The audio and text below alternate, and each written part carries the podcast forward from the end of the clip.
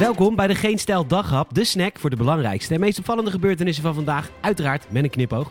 Met vandaag, de soap van AstraZeneca gaat door, grapjes maken mag niet en hij komt er, het vaccinatiepaspoort. Mijn naam is Peter Bouwman en dit is het nieuws van maandag 8 maart.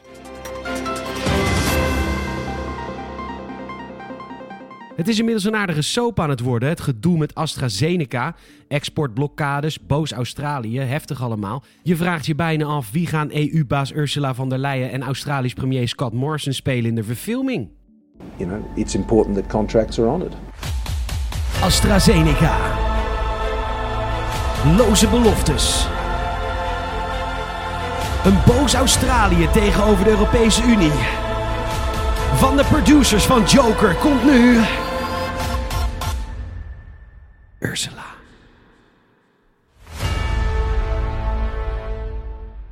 Nu.nl meldt dat AstraZeneca nog geen 10% van het beloofde aantal vaccins heeft geleverd aan de Europese Unie. En dat meldt de voorzitter van de Europese Commissie, inderdaad Ursula von der Leyen. Ook bracht ze naar buiten dat de EU de uitvoer van vaccins blijft blokkeren zolang de farmaceut niet genoeg levert.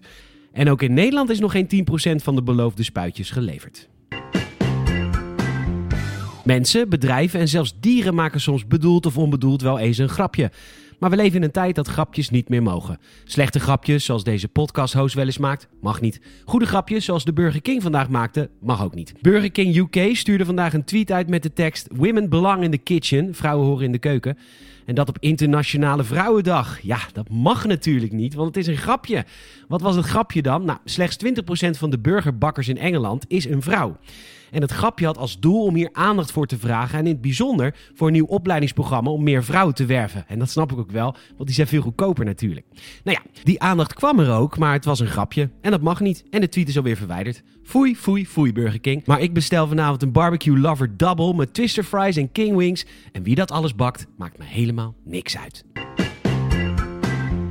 De winkelstraten kennen steeds meer leegstaande panden en het water stond de winkeliers al aan de lippen voor de pandemie, maar nu natuurlijk nog meer. Op naar de rechter dus.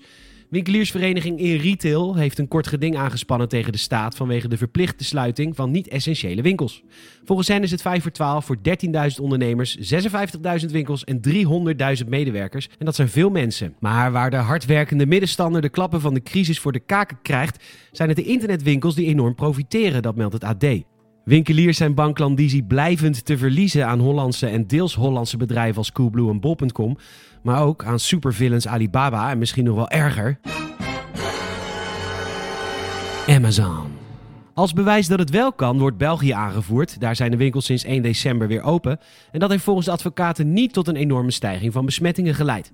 De uitspraak wordt vrijdag verwacht en morgen begint er nog één namens de horeca. Sterkt allemaal. Mensen van Urk mogen straks waarschijnlijk nooit meer naar feestjes. En dat is jammer, want feesten kunnen die Urkers. Zoals hier te horen is in een fragment van Sensation Urk. Georganiseerd door het Urker Terror Corps in 2018. Nou, dit was dus een heel slecht grapje. Hugo de Jonge wil graag het Europese plan voor het vaccinatiepaspoort overnemen. Het wordt geen papiertje, want Hugo wil de digitale successen van de afgelopen tijd voortzetten en het moet dus een app worden. Een bestaande app wel te verstaan, want er is nu al een app die gebruikt wordt om te bewijzen dat iemand onlangs negatief is getest voor het virus. En die app wordt dus aangepast. Lijkt ons een zeer behapbare behandeling en als Hugo het zegt, hoeft Dirk niet bang te zijn. Dat ding zal er voorlopig niet komen.